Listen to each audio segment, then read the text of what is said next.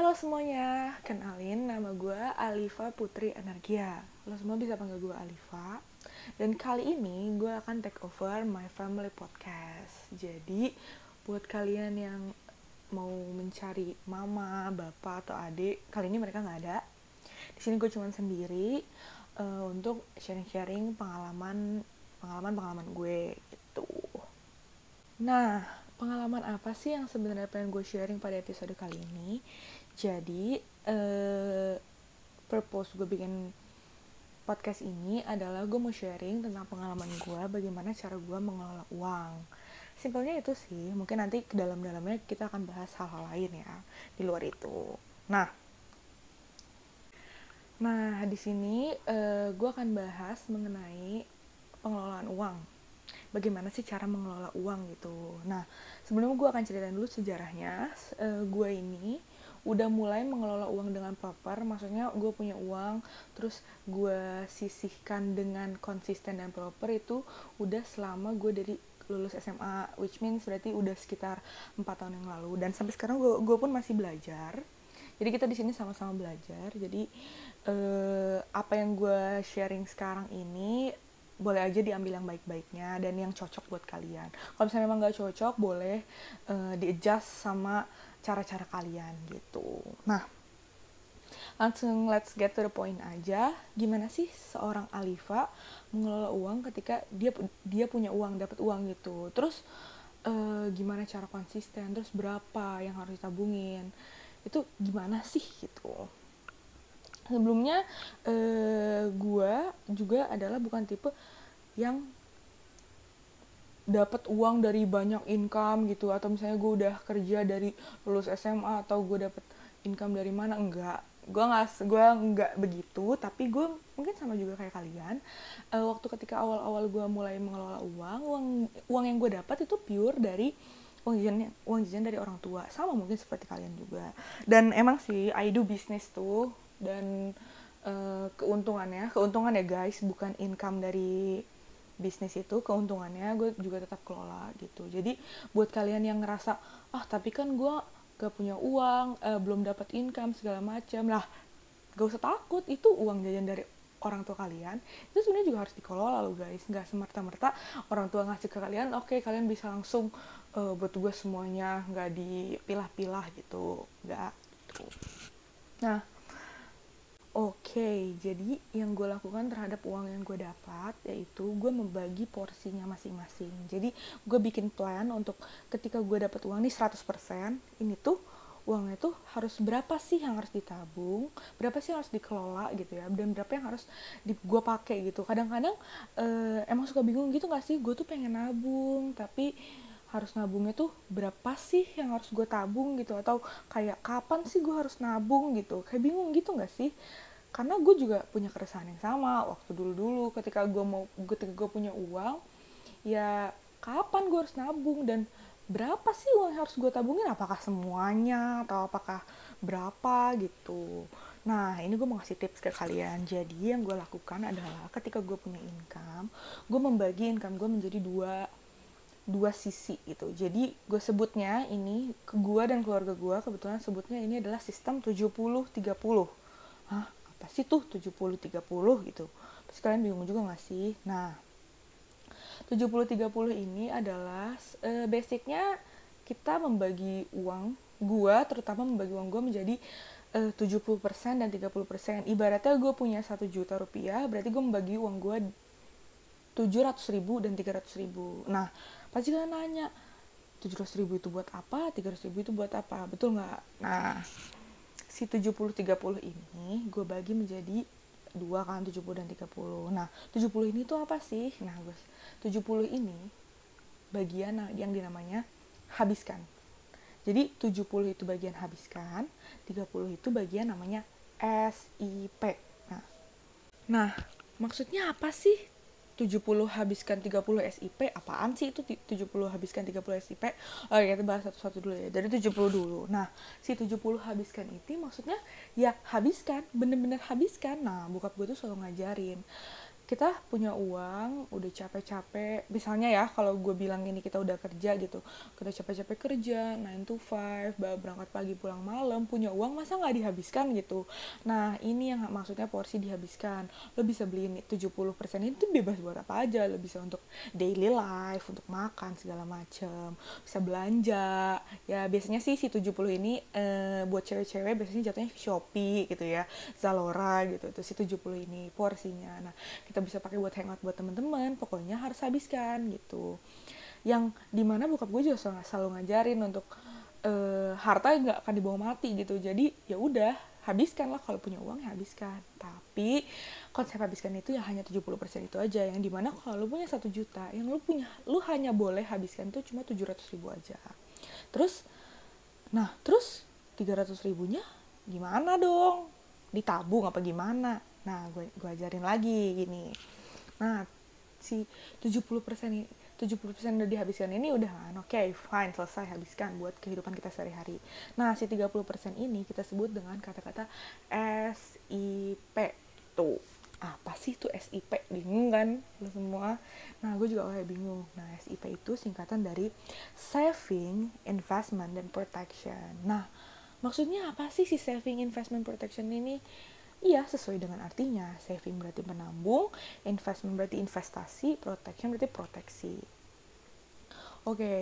uh, eh, sebelum kita bahas mengenai SIP lebih lanjut, uh, eh, gue nggak kan menjelaskan tentang proteksi lebih banyak karena ini gue akan memfokuskan topik ini ke saving dan investment. Jadi gue akan menjelaskan sedikit aja tentang protection. Jadi basicnya protection adalah ya seperti proteksi pada umumnya simpelnya adalah gue akan menjelaskan dengan sesimpel mungkin jadi simpelnya adalah ketika kita udah nabung nih capek-capek gitu misalnya uh, capek-capek udah banting tulang ini kita uh, case nya misalnya kita udah kerja gitu ya kita udah capek banting tulang segala macam gitu nah invest uh, kita udah nabung capek-capek terus misalnya kita juga udah investasi mau investasi apa pun itu ya bisa paper aset bisa properti bisa apa pun itu terus ketika somehow gitu kita sakit gitu atau amit-amit kita kecelakaan gitu yang membutuhkan uang banyak kita jangan sampai ya pasti nggak mau lah ya semuanya juga untuk mencoceng uang yang udah kita tabung kita invest gitu.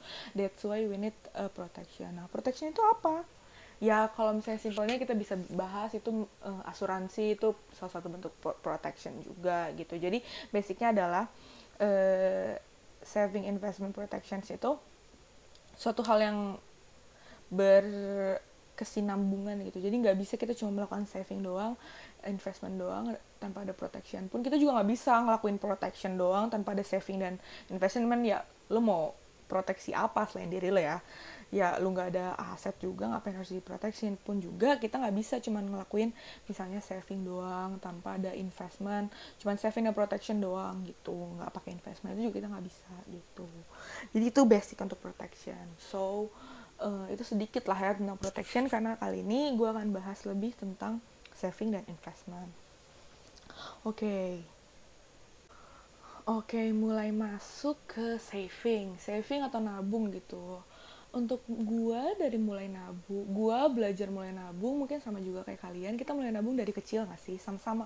Mungkin kalian juga kan belajar dari kecil. Dari dulu kecil suka, ayo nabung dong. Dibeliin celengan yang kecil-kecil itu yang kayak ada bolongan di bawahnya yang besar ada diambil gitu gitu gue udah gue mulai nabung mulai dari saat itu cuma untuk nabung secara konsisten dan proper gue lakukan semenjak ya itu dari empat tahun yang lalu nah apa sih emang e, gunanya gitu nabung gitu?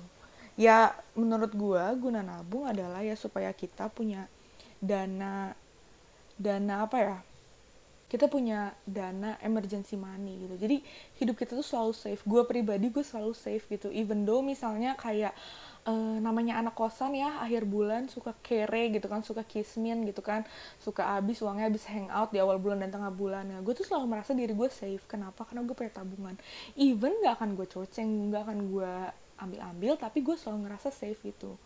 Ini hanya di level anak kosan. Nanti kalau lu udah beranjak dewasa atau mungkin kalau udah selevel orang tua gue ketika lu punya tabungan itu lu sangat merasa safe gitu. Ketika ada somehow hal-hal yang gak diinginkan terjadi misal kayak uh, ini nih pagar rumah tiba-tiba rusak tapi udah akhir bulan tapi pagar rumah harus dibenerin karena ya nggak mungkin rumahnya nggak dipagerin. Nanti mobil dan barang-barang rusak segala macam itu bisa dari mana? Bisa kita ambil dari uang tabungan. Gitu-gitu loh yang kayak hal-hal yang uh, bersifat dadakan itu uh, kita akan selalu merasa aman ketika kita punya tabungan gitu. Dan kalau misalnya di umur kita sekarang yang early 20 ini kita merasa aman karena uh, di masa depan kita nggak harus takut kehilangan uang gak, di masa depan ketika misalnya gitu once kita kehilangan pekerjaan kita dan kita harus menunggu uh, idle time gitu ya menunggu waktu untuk mendapat pekerjaan baru kita nggak harus mikir kita hidup pakai uang dari mana nggak ada gaji gitu sambil menunggu pekerjaan baru kita punya uang tabungan gitu. Atau misalnya ya tabungan ketika kalian mau sesuatu mau beli sesuatu itu tabungan lah di situ berperan gitu nah basicnya itu. Dan gimana sih caranya biar konsisten nabung? Nah caranya biar konsisten. Sebenarnya ini cara bukan cara biar konsisten nabung aja ya. Ini cara biar konsisten SIP yang gue selalu lakukan adalah ketika gue dapet uang. Jadi biasanya kita gajian gitu kan. Kalau gue dan orang tua gue tuh gue dikasih gaji gitu ya. Jadi ibaratnya gue tuh dibayar untuk gue sekolah dan ya itu tuh gue sedang bekerja gitu loh. Jadi gue digaji sama orang tua gue nah biasanya di awal bulan gitu kan atau akhir bulan. Nah ketika mereka sudah transfer bilang aku udah transfer ya, mama udah transfer ya, bapak udah transfer ya, itu kalian harus langsung sisihkan. Harus langsung detik itu juga, nggak boleh, nggak. Itu paham yang gue anut dari dulu sampai sekarang. Kekonsistenan itu yang kayak harus kalian pegang sebenarnya itu tuh yang kayak ketika lu dapat uang lu harus langsung banget sisihkan itu sebenarnya kuncinya jadi nggak akan kecoceng dulu sama hal lain nggak akan oh ya udahlah besok aja gitu. Siapa tahu nanti malamnya lu diajak main sama teman-teman terus tiba-tiba uangnya habis gak ada buat nabung itu itu poin yang sebenarnya paling penting yang nabung itu menyisihkan bukan menyisakan gitu. Jadi si SIP ini konsepnya adalah menyisihkan bukan menyisakan gitu. Jadi itu yang uh, gue biasa anut gue selalu pegang teguh dalam prinsip nabung gue adalah menyisihkan bukan menyisakan gitu. Jadi ketika biasanya ketika bokap gue udah langsung transfer uh, langsung gue nih gue pindah-pindahin gue pindahin buat S gue pindahin buat I gue pindahin buat P. Setelah itu gue tenang si 70% gue bisa pakai buat apa aja gitu. Terus terus terus berapa gitu yang harus gue tabung gitu. Bingung kan kadang-kadang kayak dari 30% itu misalnya 70% kan kita 70% udah udah kita habiskan kan. Si 30% itu kita anggap income kita 1 juta. Nah si 300 ribu itu dari 300 ribu itu berapa sih sebenarnya yang harus di tabung gitu? Karena lo bingung gak sih apakah gue harus tabung 300 300 nya atau gue tabung 100 tuh 100 gue invest 100 gue protection apa gimana gitu? Nah ini balik lagi ke usia sih sebenarnya. Bokap gue selalu ngajarin SIP itu persentasenya akan berubah sesuai dengan usia gitu. Gue contohin ini eh, kita bahas eh, sesuai dengan umur gue itu kita sama-sama di early 20 yang di mana eh, gue lebih butuh untuk masa depan gue yang di mana gue nggak perlu nih uh, saving terlalu banyak karena kebutuhan yang gue inginkan juga belum banyak. Karena mungkin kalau di usia kita sekarang misalnya kita mau beli handphone atau kita mau beli laptop atau kita mau beli buku kuliah kita masih bisa minta ke orang tua gitu. Nah jadi that's why saving gue nggak terlalu banyak. Uh, terus gue terlalu gue perbanyakin di investment dan protection. Nah tapi masalahnya uh, ini balik lagi ke kebutuhan masing-masing gitu. Kalau gue pribadi, gue membagi lagi dari 300 ribu itu 15% gue lakukan buat investment, 10% gue lakukan buat saving 5% gue gue lakukan buat protection.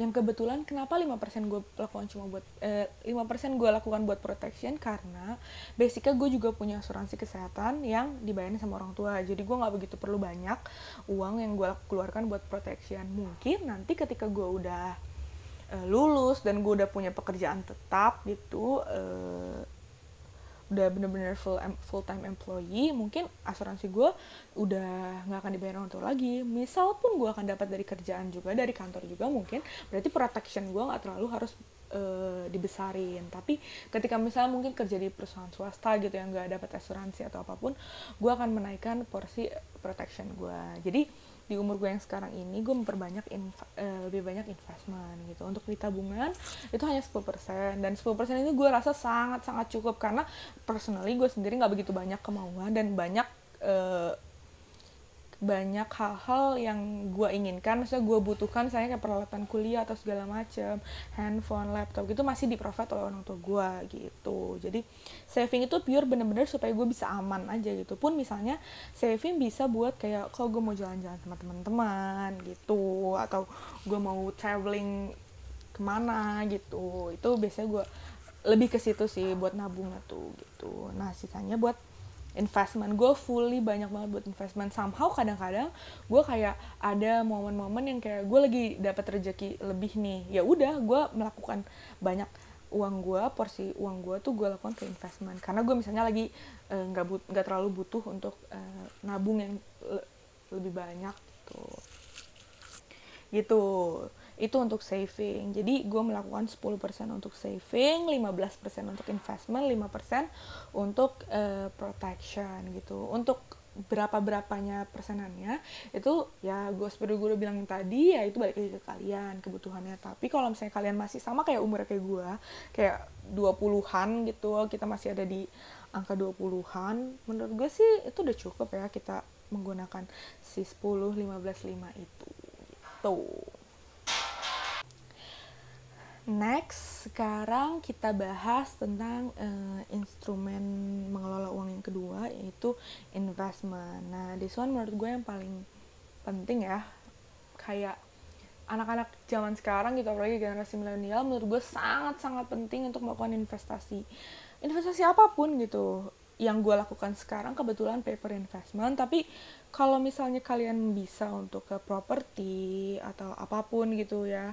Atau misalnya kayak ada yang prefer kalau misalnya nyokap gue itu biasanya prefer ke logam mulia. Itu itu it's up to you. Yang penting menurut gue di umur kita sekarang kita udah start lah belajar investment gitu. Nah investment itu sebenarnya buat apa sih gitu? Sebenarnya menurut gue adalah investment yang paling penting itu adalah kita tuh hidup menurut gue ya kita tuh hidup nggak boleh kayak just live for the day gitu. Kita harus mikirin future gitu apalagi kalau misalnya kita ngomongin investasi.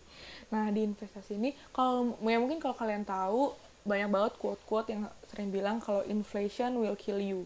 Dan itu bener banget gitu. Gue contohin aja kenapa kita perlu investment adalah misalnya kita punya uang 50 ribu nih hari ini gitu.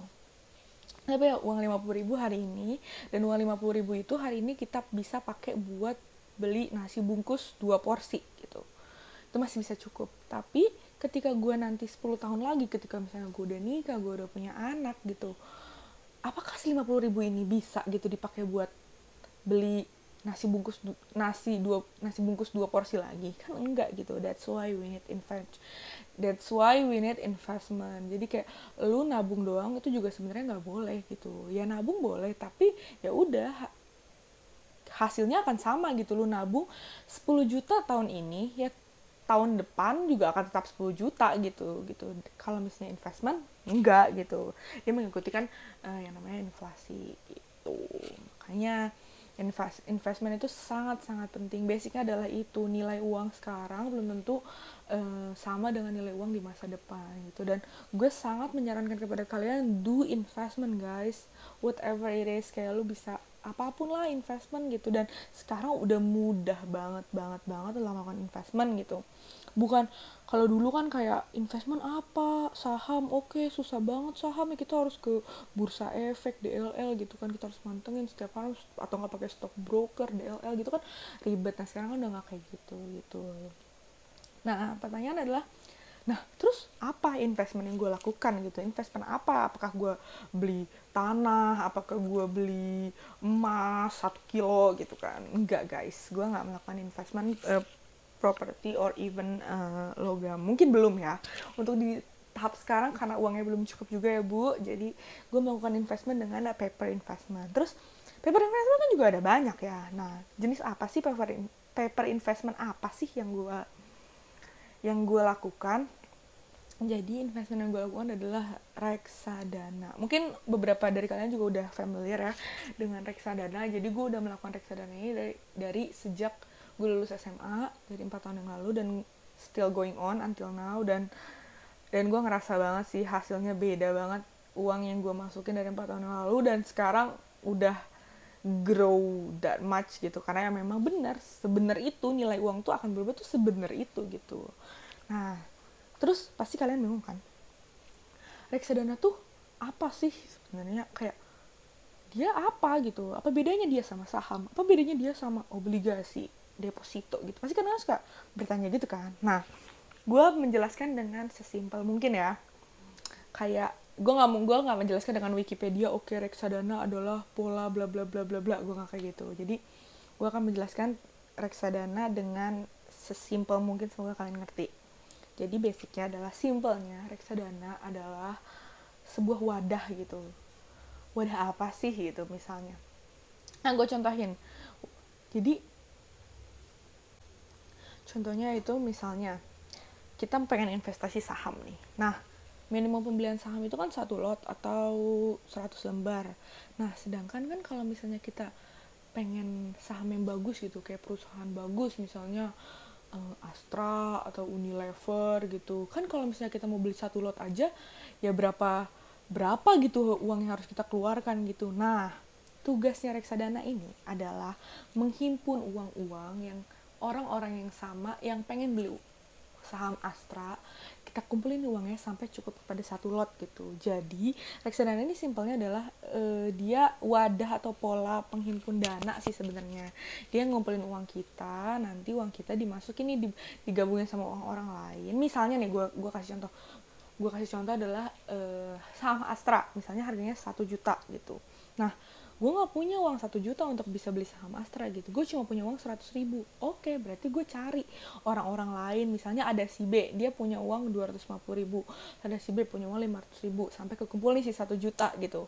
Nah baru nih si reksadana atau yang kita biasa bilang kalau di orang-orang reksadana itu yang mengelola reksadana ini namanya manajer investasi. Nah si manajer investasi ini dialah yang mengumpulkan uang kita dan membelikan uang kita ke saham-saham tersebut. Dan kita juga nggak perlu tuh reksadana yang mantengin setiap hari berapa kenaikan saham terus berapa harga open terus harga close. Kita nggak perlu itu. Kita udah tahu beres. Dan enaknya reksadana ini adalah kita bisa mulai dari 50 ribu. Jadi untuk lu dan untuk gua yang kita masih income-nya berapa sih paling gitu. Nah kita bisa banget ngisihin uang kita buat kita pakai beli reksadana gitu. Basicnya sih kayak gitu gitu. Jadi kita bisa beli saham orang-orang eh bah saham perusahaan-perusahaan keren dengan uang yang sedikit gitu. Nah terus terus gimana dong? Itu investasinya di mana ya? Itu investasi guys. Sama aja sebenarnya.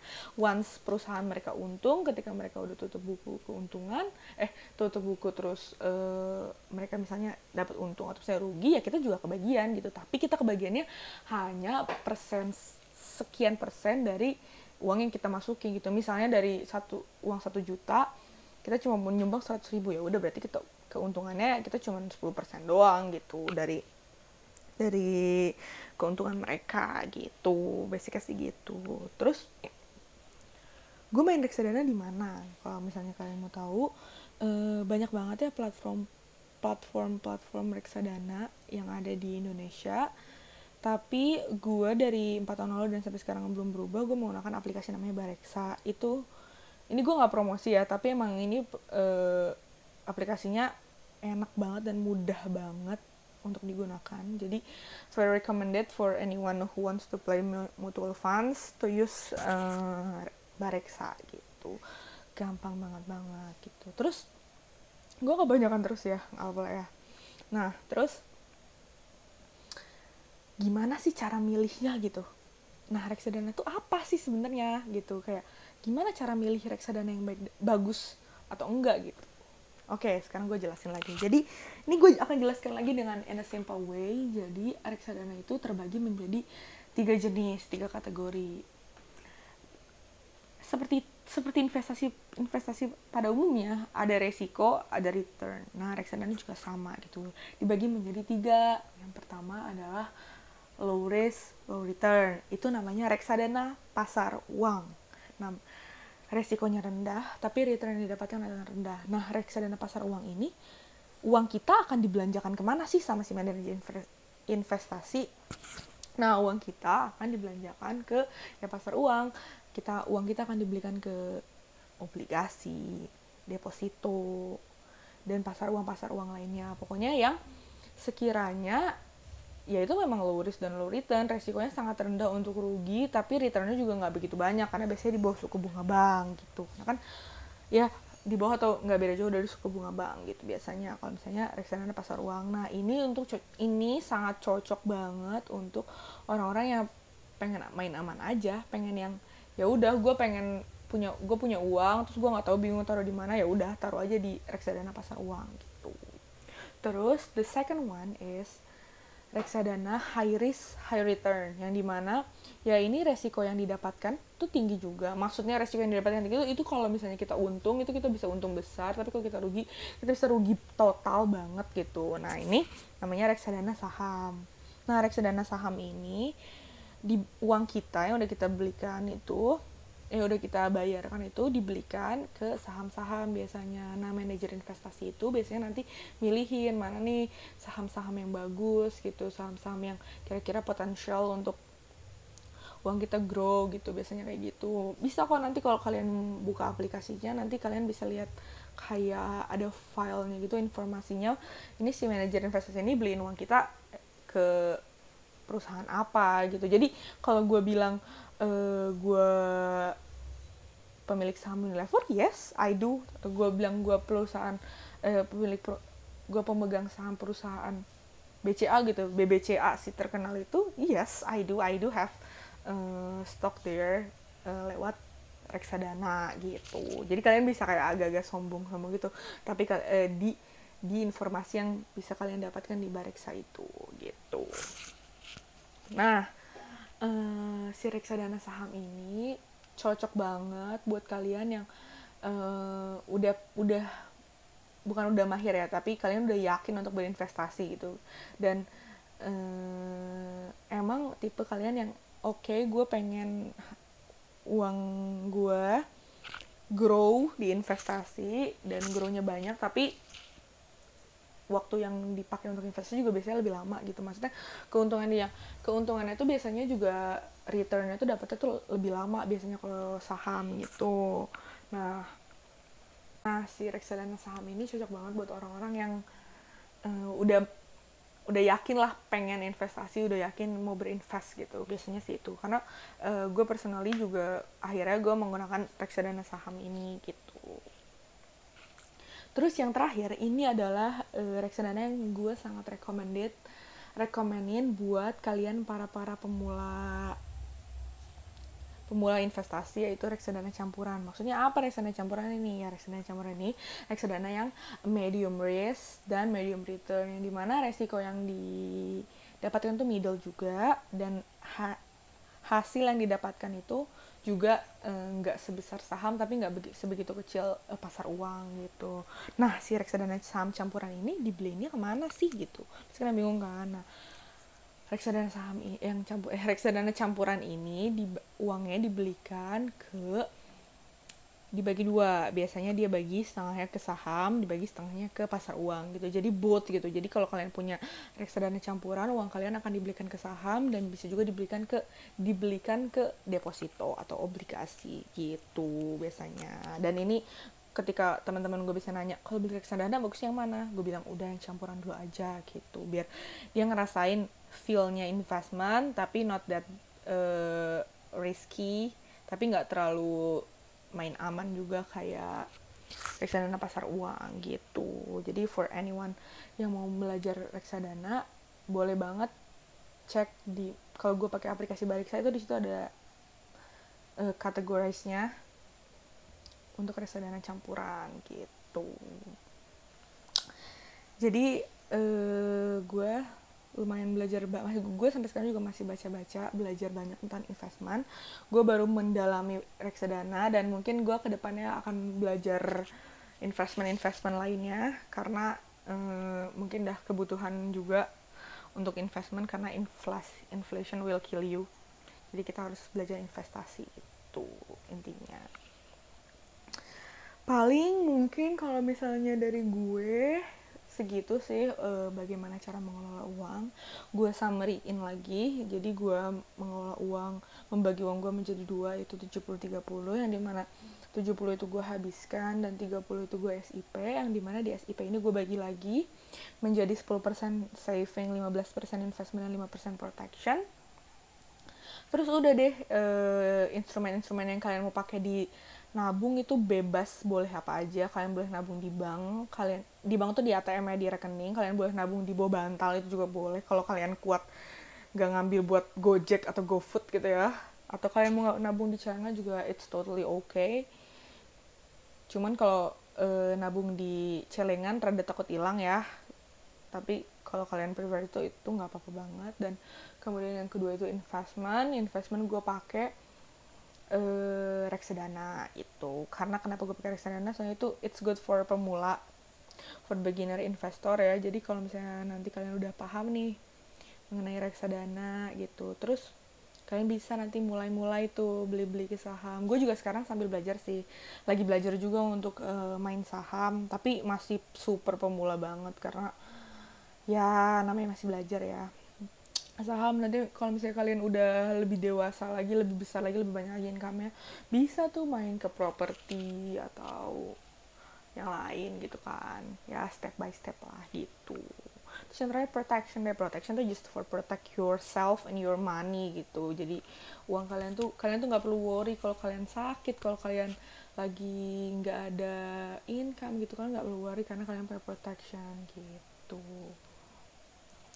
ini gitu sih menurut gue kayak di umur yang sekarang ini sangat-sangat penting banget buat kalian untuk menyisihkan uang karena ya boleh sih YOLO cuman kan kita harus punya perencanaan ya hidup uang kita harus namanya uang itu super sensitif apalagi kan kita mau uh, hidup enak nggak cuma sekarang doang tapi masa depan kita juga tetap pengen hidup enak kan that's why we need nabung. Terus gak perlu takut untuk kayak gue kan gak punya uang gue kan in, uh, uang jajan dari orang tua gue cuman kecil gak cukup buat ditabung. That's totally okay kalau misalnya kalian gak nabung nih ya. Misalnya kalian tahu nih uang jajan dari orang tua kecil atau misalnya kalian punya bisnis terus income-nya kecil gitu. Ya keuntungannya kecil ya. Kalau misalnya kalian gak ditabung dari sekarang mau mau sampai kapan gitu nungguin itu akan besar gitu income-nya gitu. Kalau misalnya kalian bilang e, tapi jajan dari orang tua gue kecil gitu. Gue nggak bisa nabung gitu. Ya please just try first gitu. Nabung dulu coba sisihin 30% pun misalnya kalau memang kalian gak sanggup banget kayak nggak cukup nih buat kehidupan kalau 30% pakai nabung oke okay, boleh diturunin 20% gitu terserah. Yang penting nabung gitu. Yang penting kalian punya sisihan uang. Kalau misalnya nggak ditabung sama sekali ya udah uangnya akan habis buat buat apa? Nggak nggak nggak nggak gak jelas gitu. Karena itu sih yang selalu diajarin sama bokap gue karena kayak jangan sampai kita punya uang tapi uang kita tuh habis buat hal-hal yang gak jelas aja gitu. Nggak ada hal-hal yang ya bermanfaat atau apa pun gitu. Itu paling kayak gitu sih. Segitu aja paling uh, sharing-sharing pengalaman gue tentang how myself manage my money in early 20 semoga membantu untuk kalian yang masih bingung bagaimana cara menabung atau bagaimana cara menghandle uang.